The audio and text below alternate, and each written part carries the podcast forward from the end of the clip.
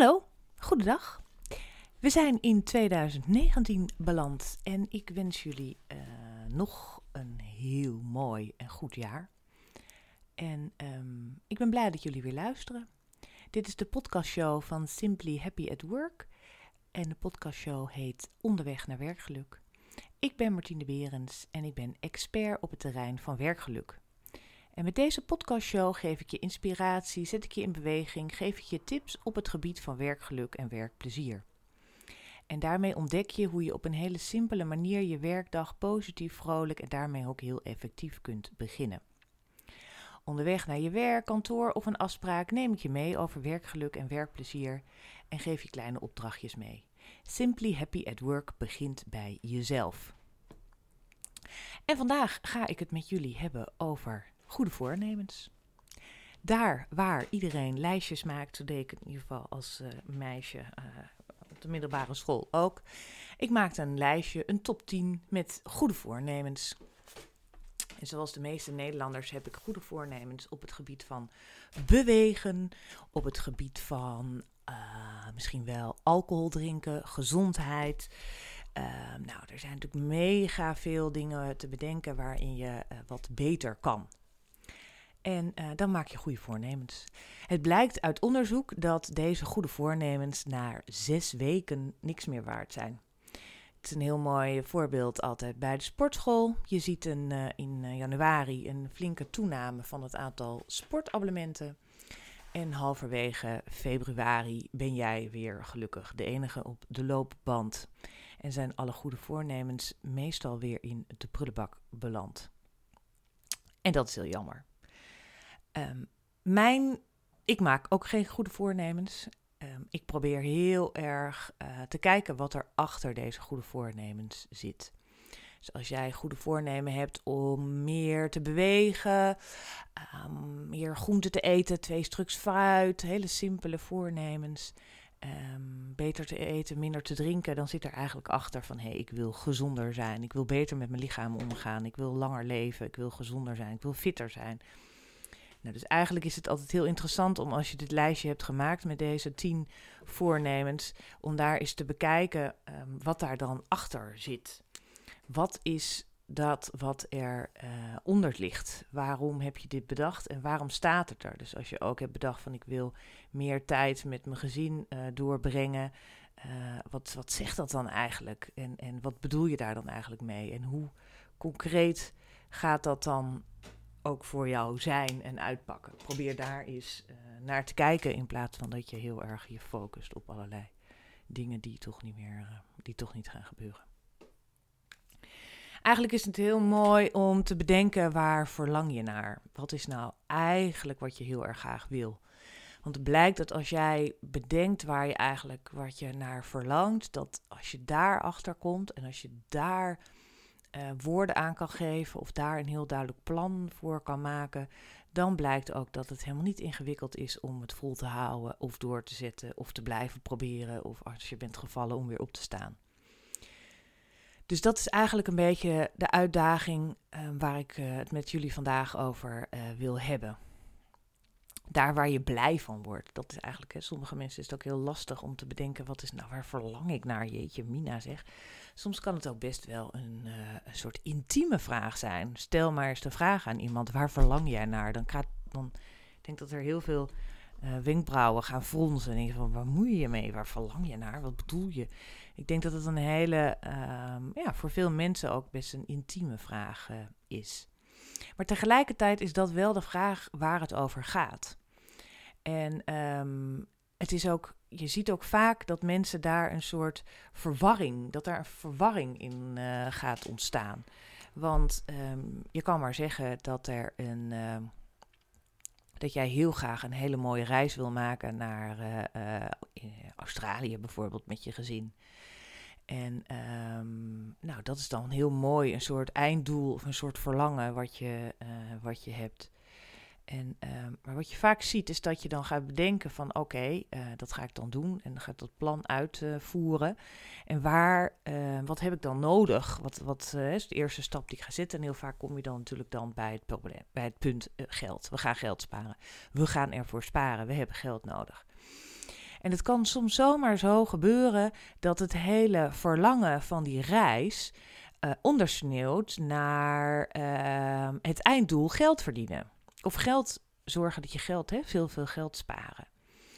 En um, dus dat gaat heel erg door elkaar heen uh, leven. En um, daarmee wordt zeg maar de voorwaarde voor geld, namelijk, en dat is namelijk het middel hè, om, om het doel te bereiken, namelijk je einddoel, het reis, dat loopt volledig door elkaar heen. En uiteindelijk um, ben je zo erg bezig met dat geld te verdienen dat je eigenlijk bent vergeten waarom je het deed. En misschien als je weer teruggaat naar dat is nou mijn verlangen, wat is nou mijn einddoel, dat je dan soms erachter komt van hé, hey, maar ik kan dat einddoel ook op een misschien wel op een hele andere manier gaan uh, bereiken.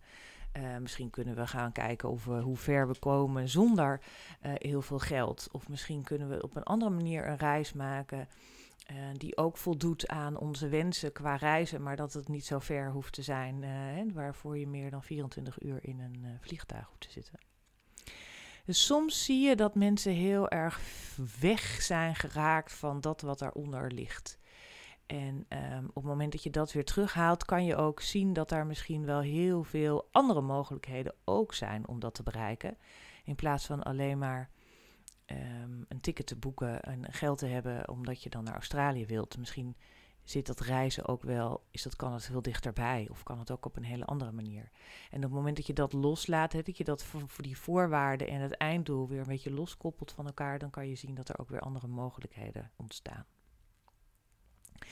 Nou, wat ik al zei, is best wel van waar verlang ik naar. Als je zo even uh, je ogen dicht doet en uh, een, een, plaatje probeert te maken van verlangen. En dan kan je natuurlijk ook denken, ja, verlangen, verlangen, waar verlang ik naar? Je verlangen op het gebied van werk, uh, verlangen op het gebied van in mijn privéleven, verlangen op het gebied van mijn gezondheid, verlangen op het gebied van de financiële situatie waar ik in zit. Je kan op zoveel vlakken verlangens hebben.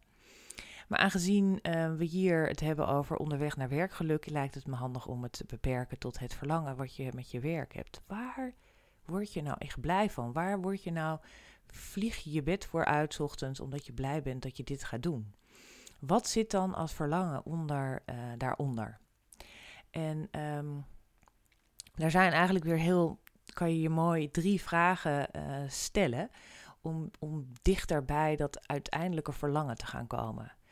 En uh, het is heel goed om die, die vragen eens even tot je door te laten dringen en daar eens even voor jezelf antwoord op proberen te geven. Um, van wat is nou het antwoord op die vraag? De eerste vraag luidt: wat wil je ervaren? Wat wil jij ervaren in je werk? Waar, wat wil je bereiken? Dat is misschien, dan, dan ga je veel meer naar resultaat toegericht, maar wat wil je vooral ervaren? Ervaren zit meer in het geheel dan alleen maar op het resultaat gericht. Het kan zijn dat je bijvoorbeeld zegt van nou, ik heb een heel mooi project nu uh, gekregen. Daar ben ik eindverantwoordelijk voor geworden en ik zou willen Um, ik wil natuurlijk, je wilt natuurlijk dat het project toch helemaal het mooiste resultaat gaat bereiken. Maar er, de ervaring die daar misschien bij ligt, is dat je wil ervaren hoe het is om dit voor elkaar te krijgen. Dat je wilt ervaren hoe het is om het samen te doen. Dat je wilt ervaren hoe het is om de opdrachtgever bijvoorbeeld heel erg te verrassen. Of door sneller te zijn dat hij denkt. Of door met andere oplossingen te komen waar hij helemaal niet aan heeft gedacht. Dus dat is wat je wilt ervaren. Dus dat is mooi om daar eens even heel erg bij, uh, bij stil te staan. En een andere vraag die je kan stellen om dichterbij een soort verlangen te komen is: wat wil je leren? Waar zit je groeimogelijkheid? Wat is dat jij nog heel graag wilt bereiken? En um, dus dat zit heel erg in het leren. Dus je hebt heel erg in de ervaring en in de groei. En uiteindelijk komt de derde vraag, die ik jullie al wel vaker ook in het kader van werkgeluk uh, heb gesteld, is van wat wil je betekenen voor anderen? En um, daar zit toch altijd wel een, een hè, daar, daar gaat het over de zinvol, uh, de zingeving, het zin hebben, de betekenis hebben. En daar kan ook een heel erg een verlangen in zitten. Hè? Dus wat wil je betekenen voor de ander? Dat de ander trots op je is, of dat de ander naar je opkijkt, of dat je anders iemand hebt geïnspireerd of verrast. Of, nou, dus wat, wat is daar en wat? En als je die drie antwoorden ehm, nu eens bij elkaar hebt eh, verzameld. En als je daar eens naar kijkt en dat nog een keertje rustig voorleest, of rustig in jezelf leest, of rustig langsloopt. Waar zit dan het verlangen? Waar ga je dan uiteindelijk op aan? Hè? Wat, waar uh, een ander woord voor verlangen is ook een beetje opwinding. Hè? Wat, wat, wat, je, wat wind je op? Waar word je blij van? Het mooie van het woord opwinding vind ik ook wel dat het ook een soort. Uh, je kan er ook opgewonden van raken in de zin van dat je een beetje, uh, dat je er een beetje geïrriteerd van raakt. Hè? Van godverdorie. En dat het bijna neigt naar een soort frustratie. Hè? Soms zie je ook wel dat als jij heel erg frustreer, gefrustreerd raakt over het feit dat iedereen altijd maar zijn rotzooi op de grond gooit. Of ik was deze zomer in Amerika, dat je ervaart hoeveel plastic daar gebruikt wordt met alles en iedereen. En als je zegt van nou, ik hoef dat plastic zakje niet, dan zie je echt aankijken van nou ja, hoezo niet? Het is er nou toch al. Dat je denkt, ja jongens, als we zo'n houding gaan hebben, dan gaan we dat hele plastic probleem nooit aanpakken.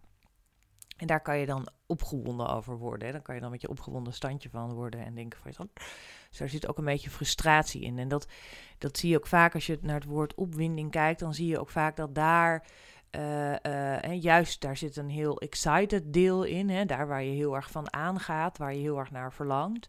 Maar opwinding zit, heeft ook een downside, namelijk daar waar, je, uh, waar de frustratie een beetje zit. Hè, daar waar het een beetje gaat schuren en daar waar je geïrriteerd raakt, opgewonden van wordt. Opgewonden standje van wordt. Dus die drie vragen. Wat wil ik ervaren? Wat wil ik leren? Waar zit mijn groei? Wat wil ik nog doen? Um, en waar, wat wil ik voor de ander betekenen? Wat is mijn uh, betekenis in mijn werk waarmee, waar, waar ik voor de ander een betekenis ga uh, krijgen? Nou, dus als je die, dat een beetje hebt eh, opgeschreven, of voor jezelf in je hoofd, of, of letterlijk inderdaad op hebt geschreven op een papier, en ga daar dan eens even naar kijken en bedenken van wat is nou, uh, waar zit dan dat verlangen? Wat is dat dan, dat verlangen? En het mooie als je daar uh, een vorm van um, een soort hè, iets hebt kunnen definiëren voor jezelf, of dat onder woorden hebt kunnen brengen, dan is eigenlijk de volgende stap om daar enorm bij te fantaseren en over te dromen. En uh, soms merk je dat op het moment dat je die droom nog eens een keertje heel extreem maakt, dus heel veel groter maakt en nog, hè, je wil een, uh, een, een, een, succesvolle werknemer zijn, maar maak dat eens groter in de zin van ik wil een succesvolle projectleider zijn of ik wil wel een succesvolle directeur van dit bedrijf zijn of sterker nog, ik wil hier een internationaal bedrijf van maken of ik wil dit helemaal uitrollen, dit, dit idee wat ik nu heb in dit project, dat ga ik uitrollen en dat wordt een soort wereldhit. Aan de andere kant hoor je natuurlijk al bij jezelf het stemmetje van nou, nou, nou, nou, nou, doe maar normaal. Hè? Doe maar gewoon, dat doe je al normaal, dat doe je al gek genoeg. En uh, dat kan allemaal niet, want je hebt helemaal geen geld. Of die mogelijkheden heb je niet, of die beperking heb je niet. Die kans zul je nooit krijgen. Nou, je hoort dan, je hoort allemaal... Oké, laat los, laat los, laat los. Probeer als je gaat dromen over dat wat je verlangt, om dat gewoon alle dingen van dit kan ik niet, of ik heb het geld niet, of uh, ik heb de tijd niet, of weet je, of het is, ah, het is te gek voor woorden, kan bijna niet. Kijk, op het moment dat je dat gaat denken, hè, dat je denkt, dit idee wat ik nu in dit project ga eh, doen, dat wordt een, dat wordt een soort paperclip, zeg maar, van de 21ste eeuw. Dit, dit is waar iedereen op zit te wachten. Dit kan ik dus ook internationaal uh, uitrollen.